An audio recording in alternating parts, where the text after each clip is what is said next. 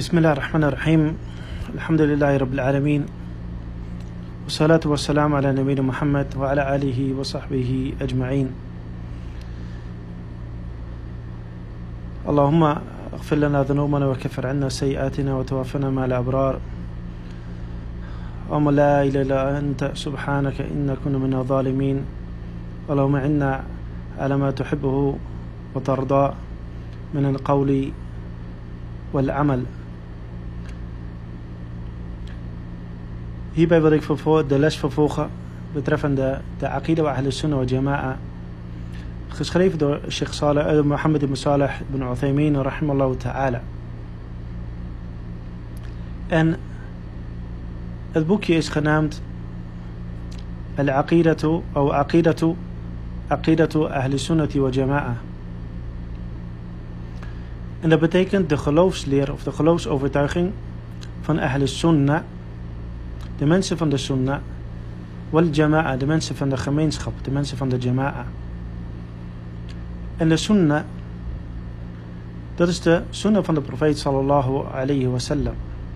En de jama'a, dat zijn de volgelingen van de profeet sallallahu alayhi wasallam.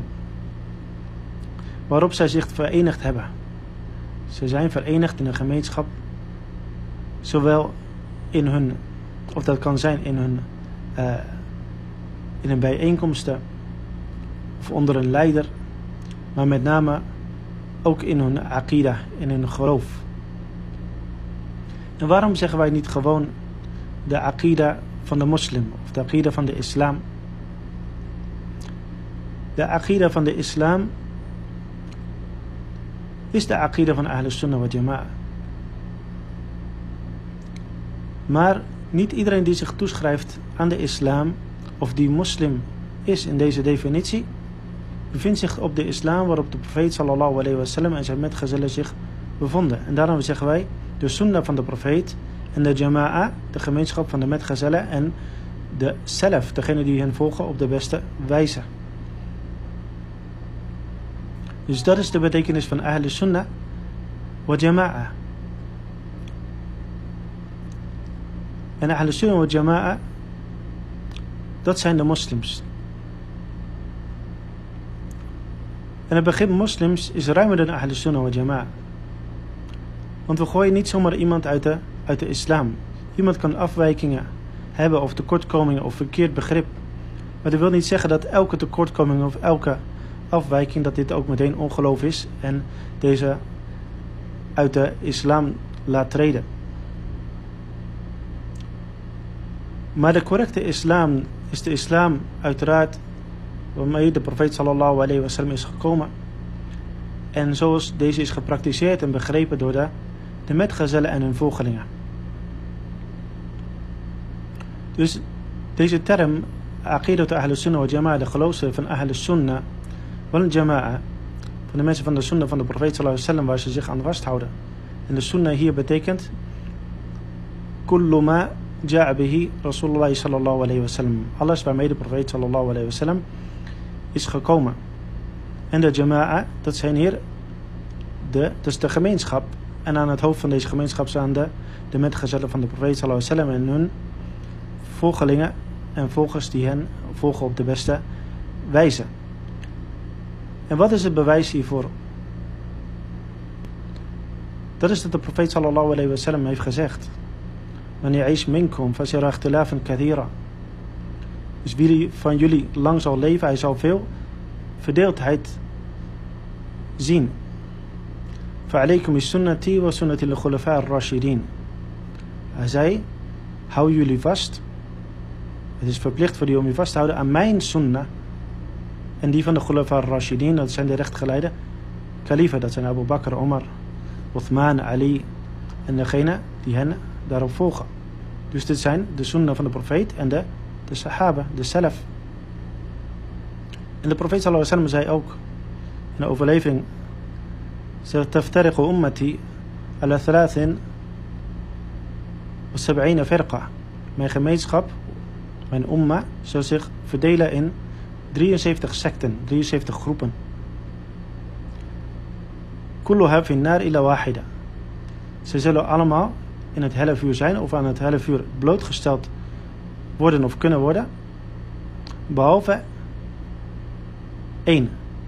Ze worden allemaal, allemaal bedreigd door het helle vuur, de bestraffing, behalve één.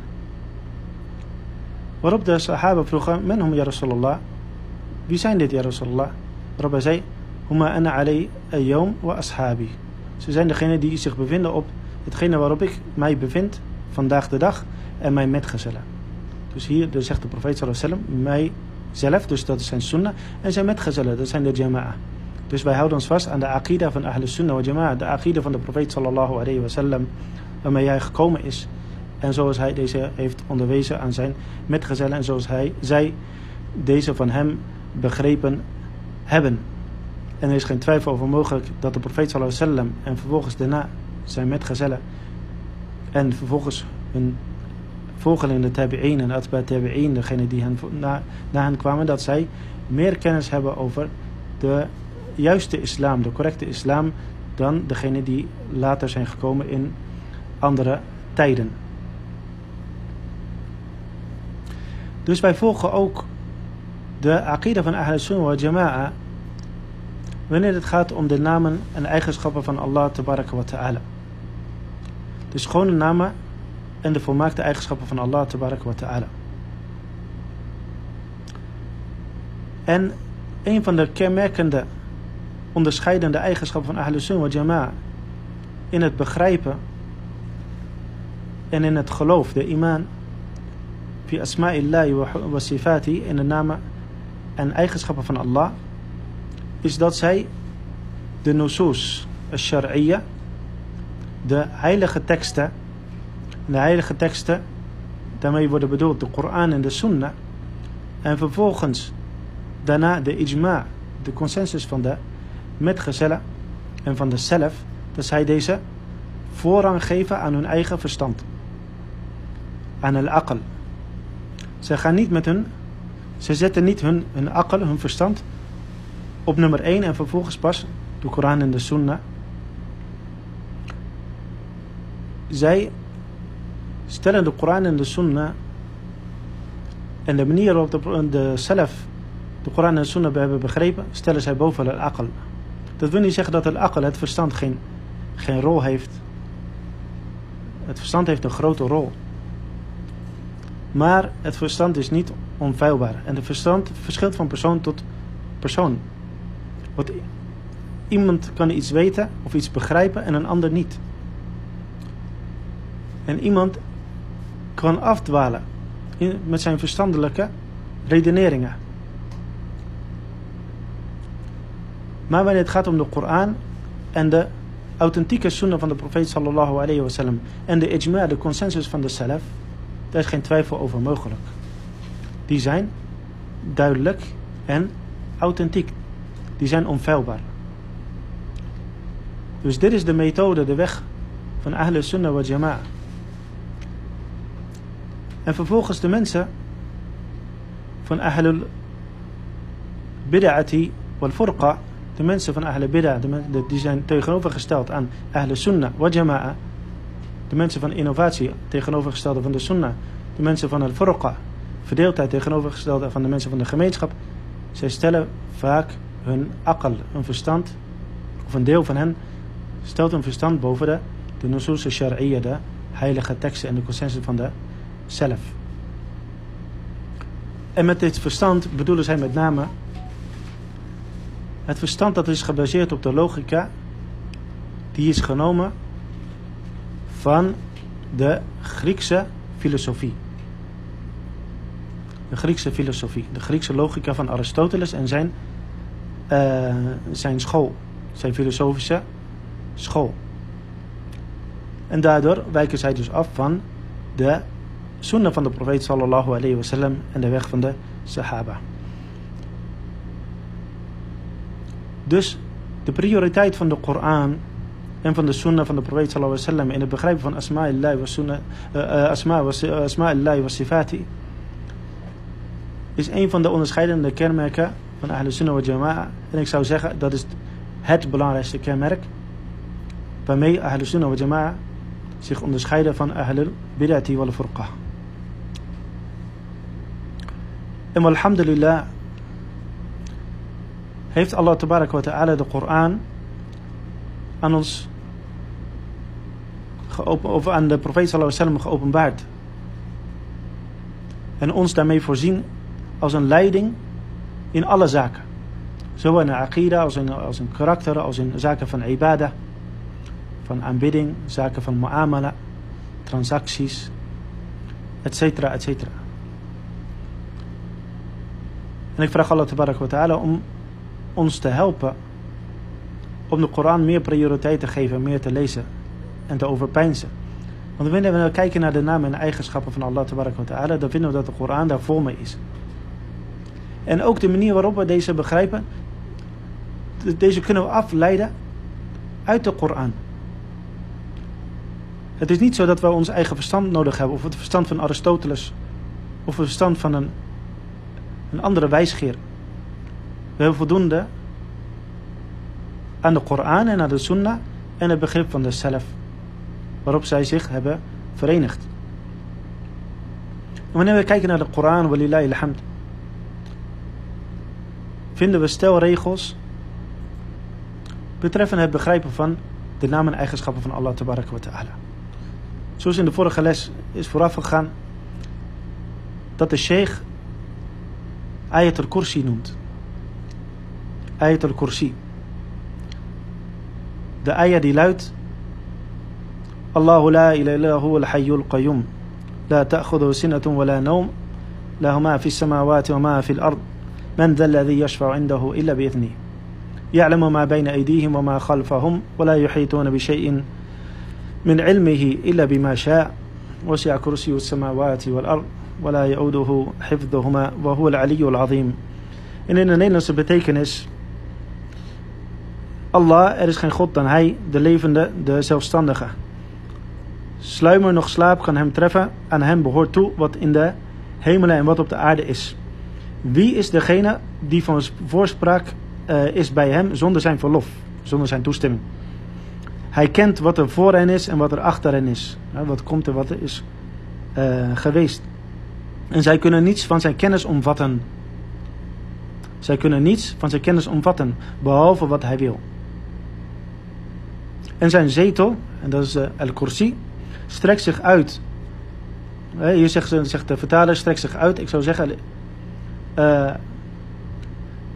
omvat, of strekt zich uit over de hemelen en de aarde en het waken over beide vermoeit hem niet. En hij is de verhevene, de almachtige. Hij is de Alhoge, de Almachtige, de meest verhevene en de Almachtige. Hier zegt Allah eh, Tabaraka wat Ta'ala, en zij kunnen niets van zijn kennis omvatten. Behalve wat hij wil. La yuhituna bi shay'in min ilmihi illa bima sha'. En dit is een qaida, dit is een stelregel. Het vers wordt begonnen met al-Qayyum. De levende, de zelfstandige of degene die niemand nodig, nodig heeft en anderen onderhoudt. Dat zijn namen en eigenschappen van Allah wa ta'ala. Heel dit vers zit vol met namen en eigenschappen van Allah. Maar zij kunnen niets van zijn kennis omvatten behalve wat hij wil. Dus wij kunnen niets van Allah wa ta'ala omvatten behalve wat hij wil. Behalve wat hij, heeft ken, hij ons heeft kenbaar gemaakt. Dat is Allah subhanahu wa ta'ala. Hij heeft ons dingen kenbaar gemaakt. En hij heeft andere dingen niet kenbaar gemaakt. En een van de dingen die wij niet kunnen omvatten. Een van de dingen die wij niet kunnen omvatten is de grootsheid en de volmaaktheid van Allah wa ta'ala. En dat geldt dus ook voor zijn namen en eigenschappen. Wij kunnen deze niet omvatten. Dus wij bevestigen deze, zoals ook in dit vers, maar we kunnen niet omvatten hoe zij, of in hun werkelijke hoedanigheid, in hun volmaaktheid hoe zij, hoe zij zijn. En vervolgens brengt de sheikh een ander vers. In dit vers is uh, la ilaha illa huwa alimul tot aan het einde. En hij zegt hierin Lahul asma'ul husna. In Surat al-Hashr. Lahul asma'ul husna. En hij heeft de schoonste namen. En dit is een andere stelregel. Al de namen en eigenschappen van Allah ta'ala zijn schoon. En dat wil zeggen, mooi van betekenis. Dus zij bevatten betekenis. Want iets, als zij geen betekenis zouden hebben, dan kunnen we ook niet zeggen dat ze schoon of mooi zijn of volmaakt. Iets is pas mooi als het een betekenis heeft. Anders is het gewoon een aantal letters bij elkaar. Wanneer wij zeggen bijvoorbeeld, uh, we zeggen over Allah, Al-Hayy, de levende. Dan is dit een van de namen en eigenschappen van Allah die mooi en schoon is. Wanneer wij zeggen Al-Hayy, dat zijn slechts letters en wij begrijpen eigenlijk er niks van, niemand weet wat het betekent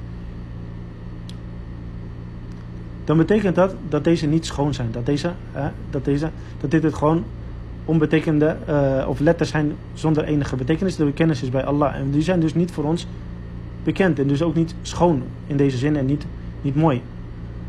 Dus iets is pas mooi wanneer het betekenis heeft. En zo ook de naam en de eigenschap van Allah. Wij bevestigen deze. Zonder dat wij zeggen dat wij de werkelijkheid of de werkelijke hoedanigheid daarvan kunnen omvatten. En zij zijn schoon. Er is geen tekortkoming en geen defect in zijn namen of in zijn eigenschappen. En vervolgens brengt de sheikh een ander vers. Zoals hij zegt, en wij geloven dat aan hem de, het koningschap of de heerschappij van de hemelen en van de aarde behoort. Hij zegt, lillahi mulku samawati wal yasha. Hij schept wat hij wil. Wa. hij geeft aan wie hij wil um, of hij schept wat hij wil en hij geeft aan wie hij wil dochters en hij geeft aan wie hij wil zonen أو يزوجكم ذكرانا وإناثا of hij mengt hij geeft zowel dochters als zonen ويجعل من يشاء عقيما hij maakt sommige van de mensen uh, zonder nageslacht إنه عليم qadir. Dit is van de volmaakte heerschappij van Allah wa ta'ala die wij niet kunnen omvatten. En niemand is het die hier deel aan heeft. Dat is alleen voor Allah wa ta'ala. En vervolgens zegt de sheikh in een, ander vers dat hij brengt uit Surat al-Shura. وَنُؤْمِنُ بِأَنَّهُ فَاتِرُ السَّمَاوَاتِ وَالْأَرْضِ جعل لكم من أنفسكم أزواجا ومن الأنعام أزواجا يذركم فيه ليس كمثله شيء وهو السميع البصير لهم مقاليد السماوات والأرض. يبسط الرزق لمن يشاء ويقدر ويقدر آه، ويقدر إنه بكل شيء عليم. يرى في شيخ الله تبارك وتعالى أو في شيخ سلف De schepper van de hemel en de aarde heeft voor jullie, van jullie zelf en van uh, de dieren parend geschapen. Hij vermenigvuldigt jullie. Niets is aan hem gelijk. En hij is de alhorende, de, alzien, eh, de alziende. En aan hem behoren de sleutels of de plaatsen uh, van de, uh, de sleutels van de hemel en van de aarde. En hij verruimt voor de, de voorzieningen voor hij wie wil en beperkt. En voor waar hij is alwetend over alle zaken. De stelregel die hier genoemd wordt, of die wij hier kunnen begrijpen, lees ik met lihi shay. وهو السميع وهو السميع البصير. Niets is aan hem gelijk en hij is de alhorende, de alziende. Dus we weten dat Allah tabaraka ta'ala schone namen heeft en hier ook volmaakte eigenschappen. Allah wa ta'ala hoort en ziet. Dus wij bevestigen wat Allah wa ta'ala in zijn boek heeft bevestigd.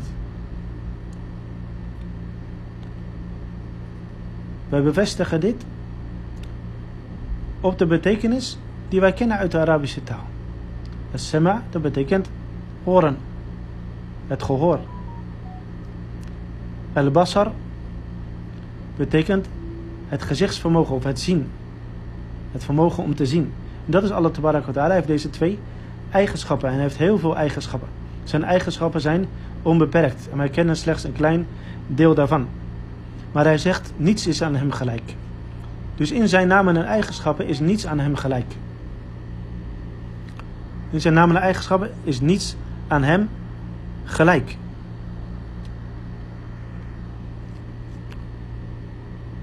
Dus wanneer wij zijn namen en eigenschappen bevestigen zoals hij deze ons heeft laten weten in zijn boek en via de sunnah van de profeet sallallahu alaihi wasallam, dan wil dat niet zeggen dat wij daarmee hem vergelijken met iets van zijn schepping. Hasha lillah. Uh, absoluut niet. Mogen Allah tabarak wa ta'ala ons beschermen dat wij hem zouden vergelijken met iets van zijn schepping. Want zijn schepping is vol van tekorten. En zijn schepping is verre van volmaakt. En Allah wa ta'ala is volmaakt. En zonder enige tekortkoming. En niets is aan hem gelijk. Niets is aan Allah wa ta'ala gelijk. Dus wanneer wij zeggen dat Allah wa ta'ala kennis heeft en dat wij kennis hebben, dan wil dat niet zeggen dat zijn kennis is zoals onze kennis. Zijn kennis is volmaakt. Passend bij zijn grootsheid en zijn volmaaktheid. En onze kennis is beperkt en gelimiteerd. En vol tekortkomen en vergeten. En voordat we iets leerden, waren we onwetend. En dat is niet bij Allah wa ta'ala. Zijn kennis is perfect. Zijn, zijn horen, zijn sema is perfect. Zonder enige tekortkoming. Dus de namen en eigenschappen zijn perfect. En de namen zijn niet betekenisloos. Er zijn geen betekenisloze letters, dat zijn namen met schone betekenissen. En zijn eigenschappen zijn niet zoals de eigenschappen van zijn schepselen. Zijn eigenschappen zijn zoals dat aan hem uh, behoort. En zoals dat hoort aan zijn, of past bij zijn grootsheid en volmaaktheid. En dat is Allah ta'ala, onze schepper.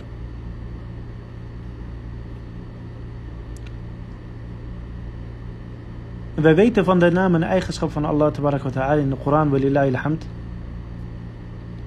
Wat hij heeft genoemd in zijn boek.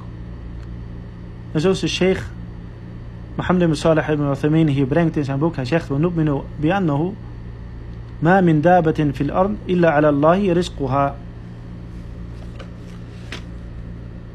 ويعلم مستقرها ومستودعها كل في كتاب مبين En de betekenis hiervan is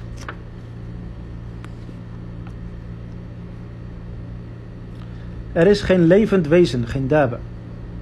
Op aarde of aan Allah is het onderhoud ervan. En hij kent de verblijfplaats en de bewaarplaats ervan. Alles is vastgelegd in een duidelijk boek. En dat is de kennis van Allah. Dus is de kennis van Allah zoals onze kennis? Nee. De kennis van Allah was van voordat hij dingen schiep. En terwijl hij schiep. En hij weet de dingen die, alle dingen die zijn. En hij weet wat iedereen nodig heeft. En daarmee is Allah wa ta'ala onze Heer, degene die wij aanroepen in onze gebeden. Want hij weet wat goed voor ons is. En hij weet wat hij voor ons heeft achtergehouden. Of wat zou komen. Dus wij vragen Allah ta'ala om ons te voorzien en om ons te helpen. Vervolgens zegt de Sheikh, وَنُؤْمِنُ بِأَنْبِيَنَّهُ عِنْدَهُ مَفَاتِحُ الْغَيْبِ لا يعلمها إلا هو ويعلم ما في البر والبحر وما تسقط من ورقة إلا يعلمها ولا حبة في ظلمات الأرض ولا رطب ولا يابس إلا في كتاب مبين En de betekenis daarvan is, hij bezit de sleutels van het onwaarneembare en niemand kent die behalve hij. Hij weet wat er op aarde is en in de zee. En er valt nog geen blad of hij weet ervan. En er is geen graankorrel in de duisternissen van de aarde en niets vers en niets droogs. Of het is in een duidelijk boek. En dit is de kennis van Allah ta'ala. Hij kent alle details. Niet zoals de mens. Wij kennen maar een heel klein beetje. Maar Allah wa ta'ala, hij kent het ongeziene. En hij weet wat zich in de diepte van de zeeën en van de aarde bevindt. En hij weet zelfs deze zaken voordat ze waren, voordat hij ze schiep. En deze zijn in Kitab Mubin in een boek bewaard bij Allah wa ta'ala, lawha mahfoud. Wa nu'minu bi wij geloven dat Allah sa'ati wa yunazzilu al-ghayth wa ya'lamu ma fil arham وما تدري نفس ماذا ماذا تكسب غدا ما تدري نفس بأي أرض تموت إن الله عليم خبير En bij Allah zijn, uh, en bij Allah is de kennis van uh, en bij Allah is de kennis van het uur. En bij Allah is de kennis van het uur. وينزل الغيث en hij uh, zendt al-ghayth neer, regen. En hij kent wat zich in de uh, hier in de vertaling, kent zich wat zich in de schoten bevindt. Dus in de, in de baarmoeders. En niemand weet wat hij morgen zal doen. En niemand van ons weet wat hij zal morgen zal doen. En niemand weet op welke grond hij zal sterven. En voorwaar Allah is van alles op de hoogte alwetend. Dat is Allah tabaraka wa ta'ala. Zijn kennis is volmaakt. En vervolgens zegt Allah. Of vervolgens zegt de sheikh in zijn boek. ونؤمن بأن الله يتكلم بما شاء متى يشاء متى شاء وكيف شاء. En we geloven dat Allah spreekt zoals hij wil. En wanneer hij wil en hoe hij wil. Hij spreekt wat hij wil en uh, wanneer hij wil en hoe hij wil. Zoals Allah subhanahu wa ta'ala zegt in de Koran. وَكَلَمَ اللَّهُ مُوسَى تَكْلِيمًا En Allah sprak tegen, tegen Musa, tegen Mozes. ولما جاء موسى لميقاتنا وكلمه ربه wanneer Musa bij onze miqat kwam en zijn heer tegen hem sprak. وناديناه من جانب التور الأيمن وقربناه نجيا en wij riepen hem aan, of wij riepen naar hem. En dat wil zeggen Allah, tabarak wa ta'ala, van Janib al van de helling, van de zijkant van Atur al-Ayman. De rechterkant. Dus wij geloven dat Allah tabaraka wa ta'ala spreekt met wat hij wil en hoe hij wil en wanneer hij wil. Maar zijn spraak is niet zoals onze spraak. Het is perfect. Want iemand die niet kan spreken, een doofstomme, heeft een tekortkoming. En Allah ta'ala is vrij van elke tekortkoming. Dus hij spreekt.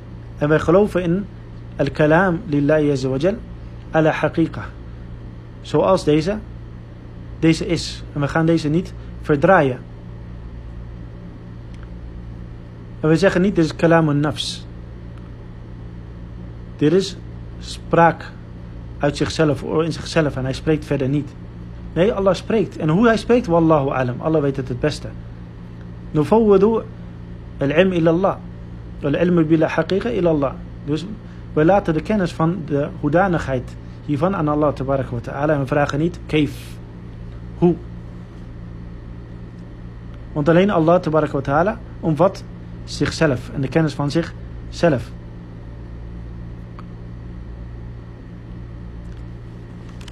En inshallah gaan we de volgende week of in de volgende les door met uh, deze uh, behandeling over kalam, sif de kalam. Het eigenschap van kalam van Allah wa ta'ala. Want er zijn een aantal details die genoemd uh, moeten worden hiermee. En de tijd is daarvoor niet voldoende. En ik vraag Allah wa ta'ala om vergiffenis. En om ons te leiden naar de correcte aqida en uh, de daden. Of om ons deze in de praktijk om te laten zetten. Inna waliyu dalik wa qadiru alay. سبحانك وبحمدك أشهد أن لا إله إلا أنت سبحانك أستغفرك وأتوب إليك وآخر دعوانا وأن الحمد لله رب العالمين والسلام عليكم ورحمة الله وبركاته